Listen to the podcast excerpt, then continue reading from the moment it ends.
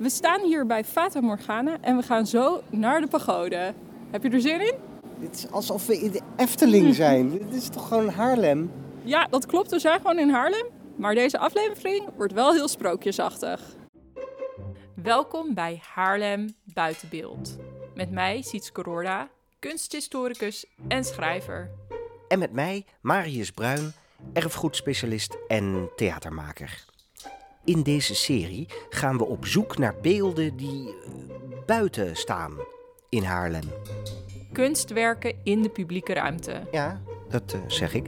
Rond sommige van deze kunstwerken zijn hele mythes ontstaan, terwijl andere verhalen compleet in de vergetelheid zijn geraakt. Wij gaan op onderzoek uit om de geschiedenis van deze kunstwerken te ontrafelen. Maar we vragen ons ook af wat deze kunstwerken in de publieke ruimte doen. Ja, en wat hebben we eraan? Om anders over een kunstwerk en de publieke ruimte na te denken, beginnen we met een verhaal. Sprookjes en jeugdherinneringen. Luchtspiegelingen.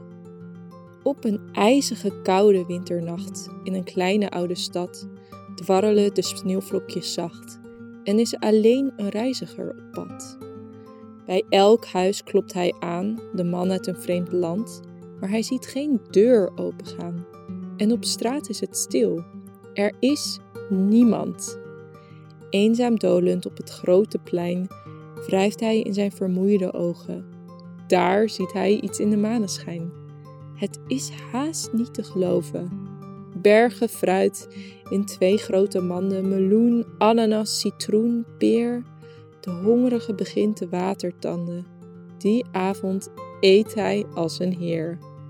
Dan vervolgt hij zijn barre tocht. Bij de rivier kijkt hij even rond. En de slaapplek die hij zocht, is wat hij aan de waterkant vond.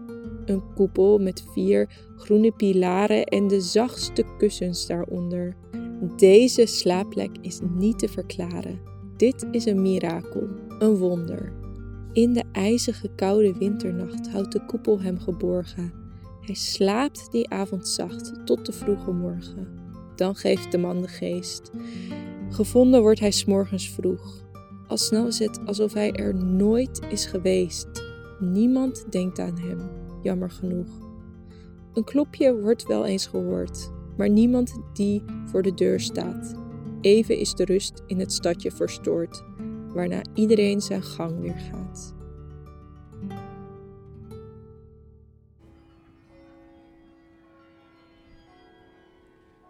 We staan hier bij de Grote Markt, aan het begin van de Grote Houtstraat, bij de Verwijhal. En als we naar boven kijken, dan zien we in de gevel twee kleurrijke sculpturen van manden met een van fruit daarin.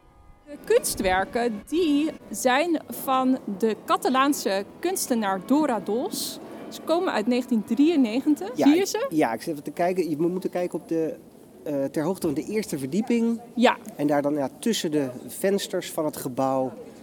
ja, Ja, in de nissen Ja, sta, waar normaal klassieke beelden in zouden staan, staat er een hele kleurige fruitmand. ja, van wel twee meter hoog of zo. Ja, ja. en het- daar verderop nog één. Dus er zijn twee grote beelden. fruitmanden. Ja, met beelden. peer, ananas, banaan, Druiven zie ik ook, ja. citroen. En dat zijn felle kleuren. Ja, En dat steekt flink af tegen eh, de rest van het gebouw. ja, Wat eigenlijk gewoon een heel ja, standaard, bijna neoclassiek gebouw is. Van, wat is het, rond 1900 of wat, wat, ja, wat ja zal het in zijn? de 19e eeuw gebouwd. Ja, Weet jij daar meer van, van dit gebouw? het is eh, bij mijn weten gebouwd als sociëteitsgebouw. Maar later is eh, het van de gemeente geworden en is eh, het Frans Hals Museum erin gekomen. En is het dus een, een tentoonstellingshal geworden. En toen heeft het ook de naam Verwijhal gekregen. Die nog steeds op de gevel staat. Maar zo wordt hij tegenwoordig al niet meer genoemd. Maar dat geeft wel aan dat, er, eh, dat de hal eigenlijk altijd niet meer wordt gebruikt. Ja. En er is dus ook al heel lang geen onderhoud meer aan die gevel gepleegd. Vandaar dat die oude borden er nog op eh, hangen. Het ziet er niet heel goed onderhouden uit. Het is een zwaar verwaarloosde boel. Maar deze kunstwerken ken ik al heel lang. Ik liep er altijd met mijn, eh, mijn ouders als, als we in de stad waren langs. Het is natuurlijk de grote winkelstraat, dit, de grote Ja, houtstraat. Precies. En mijn associatie was met ijsjes. Want als Oh je ja. klein bent, dan ben je altijd op zoek naar ijsjes. Ja.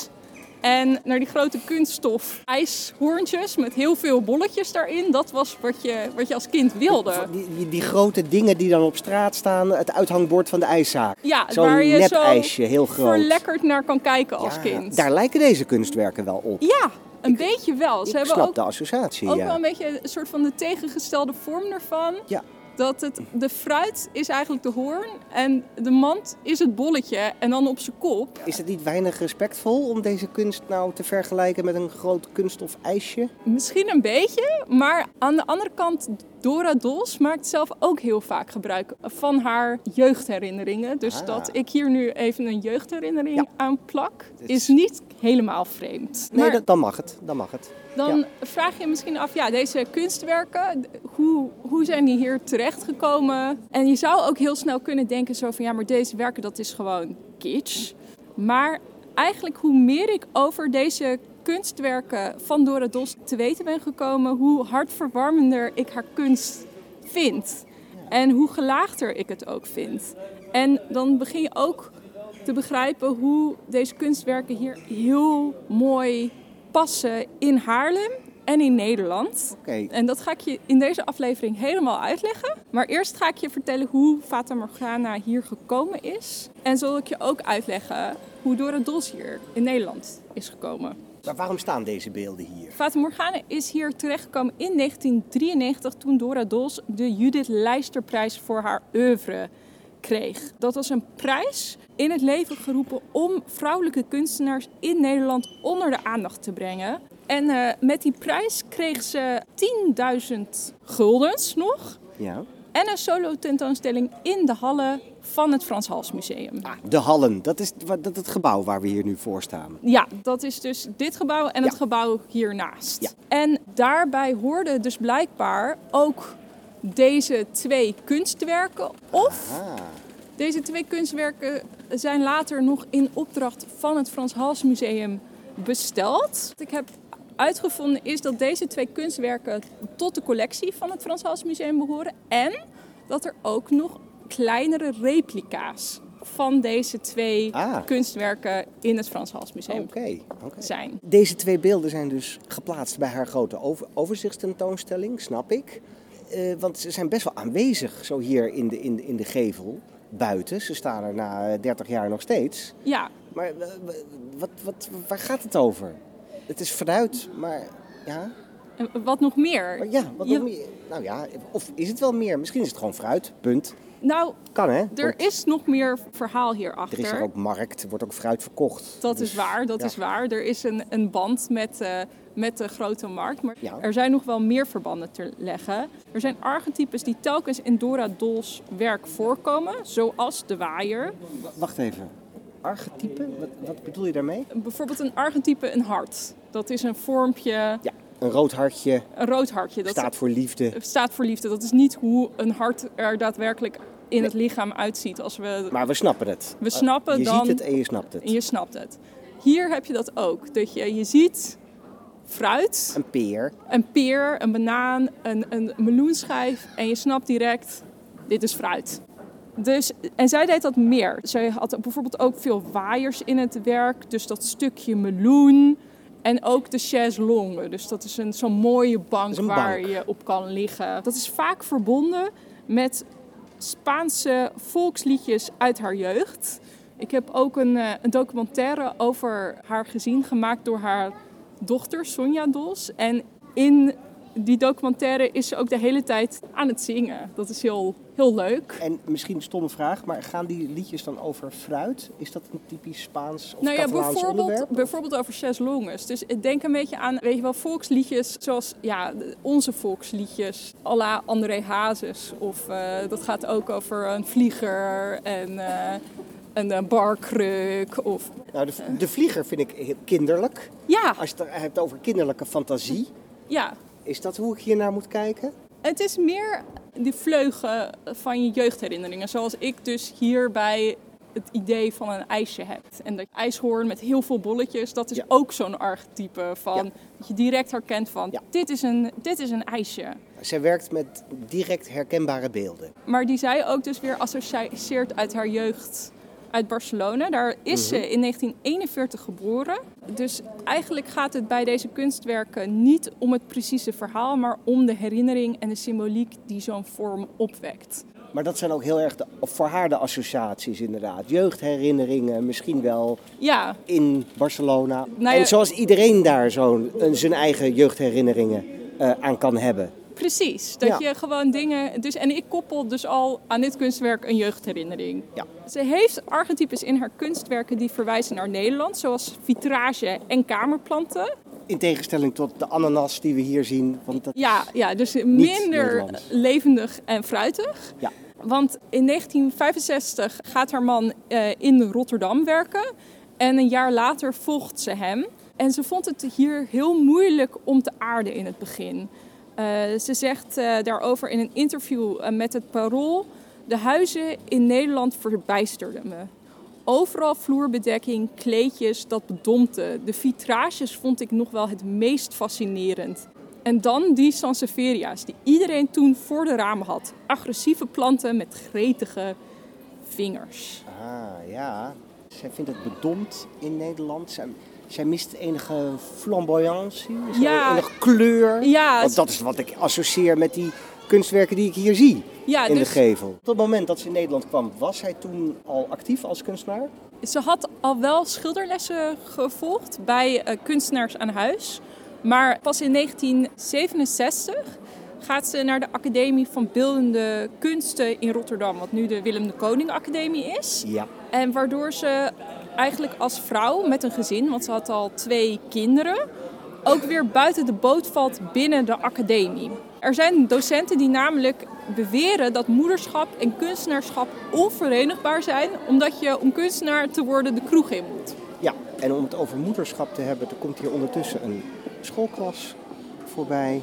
Ja, als kunstenaar moet je, moet je een doorleefd leven hebben. En gewoon inderdaad in de, kroeg- in de kroeg zitten en, en, en discussiëren over, over dat alles stom is en moeilijk. Dus op, te- op twee punten is ze eigenlijk een buitenstaander. Ze is een buitenstaander in Nederland, omdat ze een buiten, buitenlander is. Maar ze is ook een buitenstaander omdat ze een kunstenaar is. En ook een moeder, wat eh, toen nog Moeilijk, on- moeilijk was. Ze is zich met het werk, want je vroeg natuurlijk waar gaat dit werk over? Ja. Maar ze is zich ook bewust van de Nederlandse traditie waarin ze schildert en beelden maakt. Namelijk het stilleven. Het stilleven van de fruitmand in dit geval. Precies. In de traditionele 17e eeuwse schilderijen, die ook in het Frans Hals Museum eh, te zien zijn, is centraal daarin altijd vanitas. Vanitas, dat is ook weer een moeilijk woord. Wat, wat betekent vanitas? Kan je dat uitleggen? Dat gaat zowel over vergankelijkheid als ijdelheid. Dus dat fruit, dat is nu wel mooi, lekker, sappig, Ja. fris. Maar als je dat eh, niet op tijd opeet, dan eh, gaat het rotten. Net zoals het leven zelf. Ja, op een gegeven moment gaan mensen ook, eh, raken Dood. ook in verval. Dus het is ook een waarschuwing. Dus Ja. er is vergankelijkheid. Ja. Maar dus er is ook een, wa- een moralistische waarschuwing in dat je niet te ijdel moet zijn. Ah, Want die schoonheid raak je op een gegeven moment ook weer kwijt. ja. Nou, Maar, dit, maar het zi- het zijn eigenlijk inderdaad een soort mo- moderne fruitmandstillevens. ja, Eh, heel, ja, in, in een hele klassieke gevel, een heel klassiek gebouw. ja, Ja, wat weer verwijst naar de oude kunst. Ja, beetje. dus eigenlijk is het een, een moderne Ja. Catalaanse versie van het 17e eeuwse stilleven. Ja. Hey, en, en het feit dat, dat, die, dat die schoonheid hè, en de, de, de frisheid van het fruit dus van tijdelijke aard is, helaas. Ja. Eh, eh, heeft dat dan ook iets te maken met de titel? Want de titel is toch Fata Morgana. Fata Morgana inderdaad. Een luchtspiegeling, een, een, een, beeld, het is er en het is weer weg. Ja. ja, net zoals mijn zoektocht naar dat ijsje dat, Ja. eh, dat er soms kwam en soms ook niet. En Overigens, voor een Fata Morgana doen ze het goed, want die beelden die staan hier dus al eh, 30 jaar. En ze zien er beter uit dan de rest van de gevel. Dus die gaat het hele gebouw nog overleven. Ja, denk het Deze, ook. deze Fata Morgana. Ja, en wat vind jij van dit kunstwerk hier? Ik heb zelf geen jeugdherinneringen aan dit kunstwerk. Ik herinner me wel heel goed het moment dat ik het voor het eerst zag. En ik besefte me vooral hoe vaak ik hier al wel niet langsgelopen was. Blijkbaar, zonder het te zien. Dus ik schrok eigenlijk van mezelf dat ik als bewoner van deze stad dit kunstwerk niet kende. Ja, dat het helemaal over het hoofd gezien. Ja, terwijl het zijn midden- zulke felle kleuren Ja. midden in het centrum. Dit moet je toch kennen? Nou, nee. En, maar we zien het ook aan de mensen hier. Iedereen loopt er langs. Je kijkt niet omhoog. Je ziet het niet. Ik vind het wel een hele leuke, vrolijke toevoeging. En ik snap heel goed dat als je kijkt naar een typische winkelstraat als de Grote Houtstraat. Met typische Hollandse gebouwen, inderdaad, van rond 1900. Een, ja, toch een klein beetje fantasieloze, eh, neoclassieke gevel. Ja, die, die, die, die felle kleuren ertussen, dat is wel heel spannend en heel sprekend. Ik, het is vrolijk. Ja. ja, het is zeer de vraag wat er in de komende jaren met dit gebouw gaat eh, gebeuren. Het is een beetje een ingewikkeld verhaal. Een deel van dit gebouw is eigendom van de gemeente en een deel niet. Dat is gewoon eigendom van, ja, van een bedrijf, van een vastgoedbeheerder, Ja. projectontwikkelaar. En die zitten al jaren in een conflict met elkaar over onderhoud eh, eh, van het gebouw. eh, en, en zolang dat conflict duurt, wordt er dus weinig onderhoud, of eigenlijk geen, aan het gebouw gepleegd. En het kan momenteel dus ook niet gebruikt worden als tentoonstellingsruimte. Dus het Frans Hals Museum, wat hier officieel in zit, heeft er niks aan. Ja, dus dit is eigenlijk die twee beelden, Fata Morgana van Dora Dols, zijn eigenlijk de enige kunstwerken die er nog in dit gebouw zijn. Op dit moment wel, ja. Ik zou het wel jammer vinden als ze hier weggaan. Ik denk dat eh, ze inmiddels een onderdeel van dit gebouw en van het verhaal van deze plek zijn geworden. Ja, dat denk ik ook. En zelfs als er een modezaak in dit pand zou komen, ik zeg maar wat, dan kunnen die daar prima blijven staan. Of een ijsco. eh Er moet hier gewoon een hele grote ijssalon in komen. ijssalon. Dat Ja. is wat we willen. Was dit nou het enige werk? Of nee, er is nog meer van, van Dolce in de Ja, stad? we gaan nu naar een pagode. Nou, en zo lopen we ineens langs het Spaarne, de Ja. rivier. In het winterzonnetje gaan we lekker onder deze hele mooie koepel zitten. Ja, want er staat hier aan de waterkant, op de kade, vlakbij de brug, de verfroller, staat een, een, een prieel, een, een koepeltje. Ja, precies. Met hele grote, vier hele grote pilaren van eh, groene bladeren. Ja, En eh, daarboven eh, vier hele grote gele krullen. En ook sterren, mozaïekjes. Ja. En daarboven een hele grote rode maan- of meloenschijf, wat je, wat je maar wil. ik associeer het met een, met een maansikkel. Ja, ik denk ook met die sterren, hè? dat Ja. is een maansikkel. Maan en sterren en het is een koepeltje, een hemel. En daaronder kunnen we, is er een bankje waar we Nou. op, kunnen, Rond bankje, laten we... op kunnen gaan zitten. Oh, hé, hey, er komt hier een rondvaartboot voorbij. Ah, we worden begluurd door de toeristen die en een rondvaart maken. Ja, inderdaad. Dus dan denk je, wat is dit een vreemd kleurig eh, ding Ding! aan de waterkant? Dat past hier eigenlijk helemaal niet. Het voelt heel exotisch, Ja. inderdaad. Want we zitten nu in de koepel.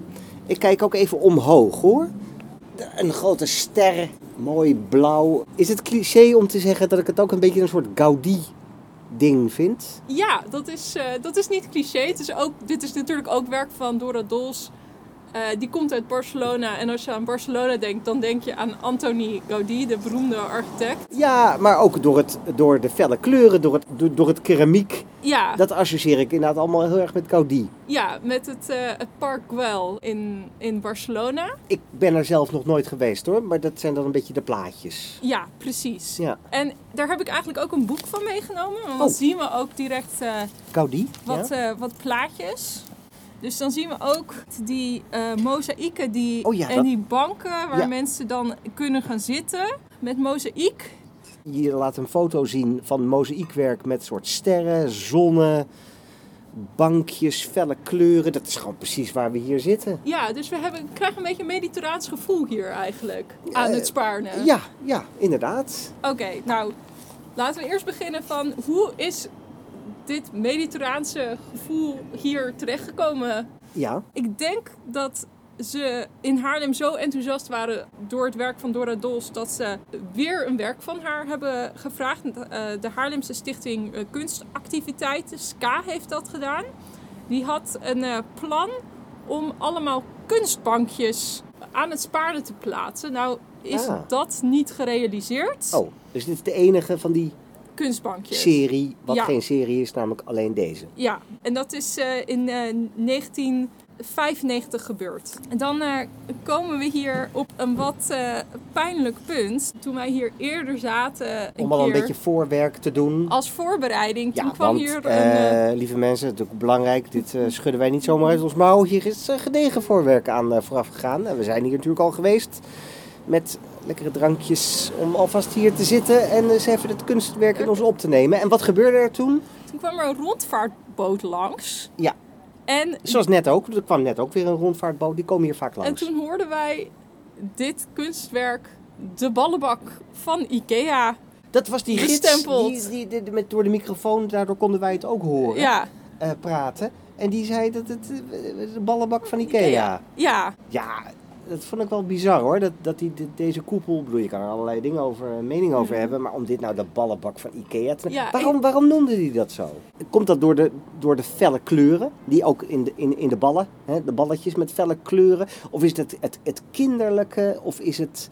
Ik denk, want kitsch, dat, dat heeft te maken met dingen die we cliché, sentimenteel en, en lelijk vinden. Eigenlijk. Wacht even, je noemt nou het woord kitsch. Ja, Daar hebben we het nog niet echt over gehad. Nee, Eh, vind je dit kitsch? Of ik bedoel, wanneer iemand dit de ballenbak van Ikea noemt... Is dat hetzelfde als iets kitsch noemen?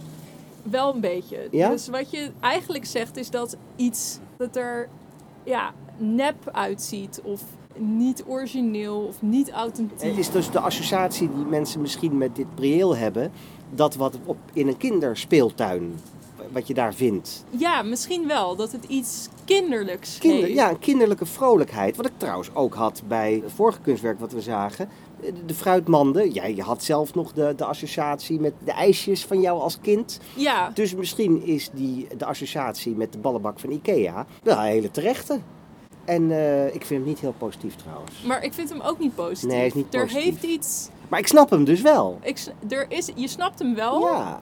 Maar het, is ook, het doet het ook zwaar tekort. Omdat het... Ja. Nee, het is geen kunst, zeg je daarmee. Het is Ja, geen kunst. het Het, is, is gewoon een speeltuin. Ja, en daarmee is het zo van... Als je zegt dat iets niet kunst is, dan Nee. is het meestal kitsch. Ja. Maar ik denk niet dat dit kunstwerk kitsch is, persoonlijk. Wa- wa- Wat is jouw definitie van kitsch? Dus kitsch is iets wat eigenlijk meestal een kopie van een kopie is. Dat we eigenlijk al zo vaak gezien hebben. Mhm. En dat het heel erg op onze gevoelens Ja. inspeelt. En niet inhoudelijk op grootste ideeën. Ja. En dat het ook... Ja, dat er dus een sensatiezucht, dat het iets te gelikt, te glad Mhm. is. Maar het is wel leuk, want je zegt, eh, eh, kitsch kenmerkt zich onder andere van, eh, in dat het een kopie van een kopie is. Ja, het begin van ons verhaal had je het ook over archetypen. En dat deze kunstenares daar gebruik van maakt. Bekende beelden die wij meteen snappen, waar we meteen een associatie mee hebben. Dat is natuurlijk niet hetzelfde als kitsch, maar het heeft wel raakvlakken. ja, klopt. En dat is eigenlijk waar zij ook mee speelt, Dora Dols, is met die clichés. En ze zegt er zelf over, je kiest een cliché en werkt dan tegen het cliché in. Dus ze heeft vijf of zes van dit soort prieeltjes gemaakt. Ja. Deze wordt de pagode genoemd. Dit heet de pagode, ja. Ja. ja. En elke keer maakte ze weer een, een ander werk. Begon ze weer helemaal van vooraf aan met iets nieuws maken. Hoe maak ik het niet een open deur? Ja. We willen juist dat er iets spannends, iets nieuws is. Waarom is dit beeld, waarom is dit prieeltje dan wel een archetype, maar niet een cliché?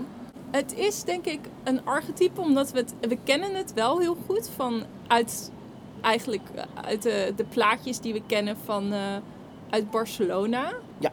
Maar het is niet... Leuk romantisch prieel aan het water. Ja, maar het is wel helemaal speciaal door DOS gemaakt voor deze plek. En waarschijnlijk dus ook met dingen waarvan zij dacht dat het nodig was. Eh, bijvoorbeeld, er is hier weinig groen in de omgeving. Dus heeft ze hele grote groene pilaren gemaakt. Ja. En eh, ik weet niet of je hier s- s'avonds de, de sterrenhemel goed kan nou, zien. door de lichtvervuiling die we in de Randstad hebben, hè, is hier natuurlijk geen ster meer te bekennen aan de nee, hemel. maar zij geeft je hier in dit koepeltje wel Ja. een enorme grote ster die Ja. boven ons hoofd Ja. te zien is. Dus ze kijkt naar de omgeving van wat is er niet en dat geeft ze je eigenlijk. Ja. In Haarlem-Noord ken ik een aantal ja, banken, stenen banken ook. En daar moest ik wel een beetje aan denken. Want die zijn ook met felle kleuren beschilderd en ook met mozaïek en zo bewerkt. En die, maar die zijn dus niet van haar. Nee, zij eh, was eigenlijk ook een beetje tegen dat soort kunstwerken. Want dat, eh, ik weet niet hoe, van wie die, die banken wel zijn. Dat weet ik ook even niet uit mijn hoofd. Eh, sterker nog, het zou best kunnen dat het een soort wijkproject is. Dat mensen uit de wijk dat daar Dat eh, zelf gemaakt hebben. Inderdaad. met Maar je ziet dat veel in Nederland. Er is volgens mij ook een soort betonnen standaardbank, chaiselongue, eh, we- we- die je overal neer kan zetten en dan beschilderen en zo. En, maar dat, he- heeft dat iets met Dora Dols te maken? Ik denk dat dat misschien na haar tijd is ontstaan. Ja. Of, dat dat, of dat zij eigenlijk daarmee een soort van trend heeft gezet. Dat, dat mensen Mhm. dachten zo van, oh, die mediterraanse banken, stoelen, prieeltjes, dat is hartstikke leuk. Daar willen we Ja. meer van. Ja. Op de Nieuwmarkt in Amsterdam is ook zo'n Gaudí-achtig Ja, heel groot. kunstwerk. Eh, Heel, kleuren. heel groot, felle echt een, een kleuren. Gaudí-ding. Maar ze zegt daar zelf, is ze eigenlijk daar heel erg tegen. Ze zegt, je moet onbevangen naar je onderwerpen kijken. Zodra het een formule wordt, zit je fout. Dan eh, ga je je eigen werk imiteren of een idee. Dan krijg je een imitatie mediterrane waar ik me zo aan erger. Mensen uit het noorden die het zuiden imiteren. Of wat zij denken dat het zuiden is. Is dat dan het verschil tussen een cliché en een archetype? Als in zij gebruikt de, de archetypen Ja. van die Catalaanse cultuur met, eh, met eh, het keramiek en de felle kleuren. En als een Nederlandse kunstenaar dat maakt, dan ga je, verval je eerder in clichés. Ja, eigenlijk wel. Dus het moet, er moet iets zijn wat een beetje daartegen ingaat. Dat dat een beetje. Het moet niet zo kant en klaar zijn. Dat het goed is om mensen met een bepaalde achtergrond ook iets te laten maken vanuit hun eigen achtergrond. In plaats van dat ze iets uit een iemands anders cultuur zich toe-eigenen. Ja.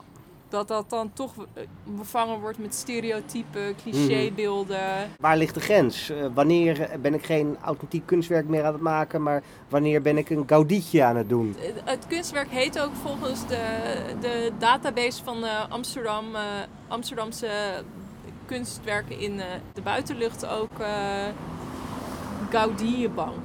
Dus Ah, oké. ze, ze bouwt ook voort op haar jeugdherinneringen. Dat ze juist dingen zo dicht mogelijk bij zichzelf probeerde te houden. Dingen die zij kende, waar zij bekend mee was.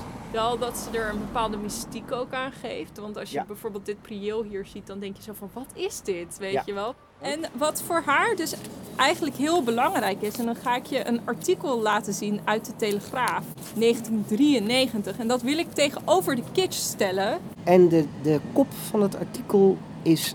Pathos is Dora Dols niet vreemd. Staat heel groot. Jij Ja. bent een theatermaker. Jij kan ons vast wel uitleggen wat pathos Ja, betekent. pathos, pa- pathos dat gaat over, over dramatiek. En eh, dramatiek met het grote gebaar. Hè? Niet, eh, een beetje, eh, niet, niet, niet klein of sub- subtiel.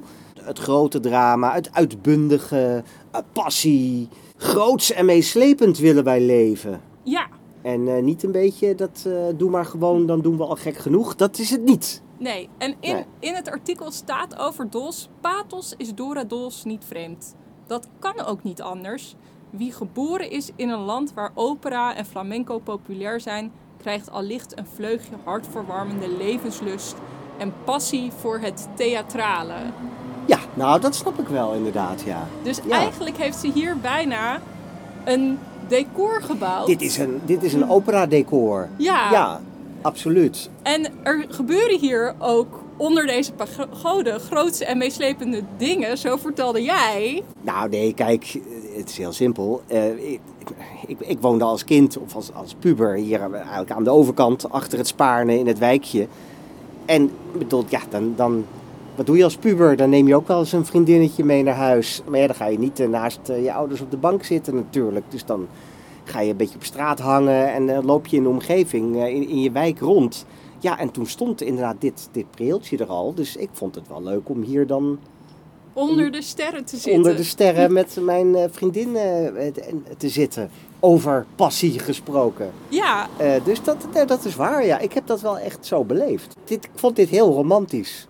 Dat kan ik me voorstellen. Toen ik 15 was, was dit wel mijn beeld van... Uh... Van romantiek. Ja. En nou heeft de dochter van Dora Dols, Sonja, mij iets leuks verteld. Ja. Want Dora Dols heeft dus heel veel brieven gekregen van mensen die hun eerste kus onder uh, dit soort prieeltjes van haar hebben gehad. Of op die chaiselongues, of op de stoelen die zij in de publieke ruimte heeft gemaakt. Dus het feit dat ik hier met mijn eerste vriendin, dat, dat doet dus iedereen?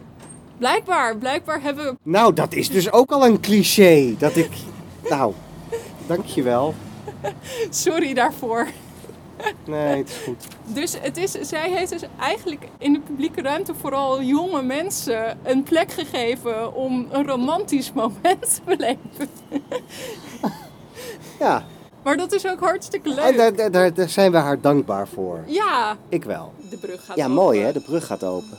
Ik ben wel blij dat ik in een stad woon waar dit soort fantasierijke, kleurrijke objecten, in dit geval een, een, een prieel, een tempel. Ja, en een, twee fruitmanden. Precies, onderdeel van, van het stadsbeeld kunnen zijn en ook zijn. Ja, dat je even uit de dagelijkse realiteit wordt meegenomen naar iets anders. Je leven als sprookje. Dit was Haarlem Buitenbeeld. Een serie van Marius Bruin en Sietske Rorda in samenwerking met kunstplatform 37 PK. Het gedicht Luchtspiegelingen is geschreven en ingesproken door Sietske Rorda. Achtergrondmuziek is van Phil Larsen. Themamuziek is van Kevin McLeod. Met dank aan de gemeente Haarlem en het Prins Bernhard Cultuurfonds.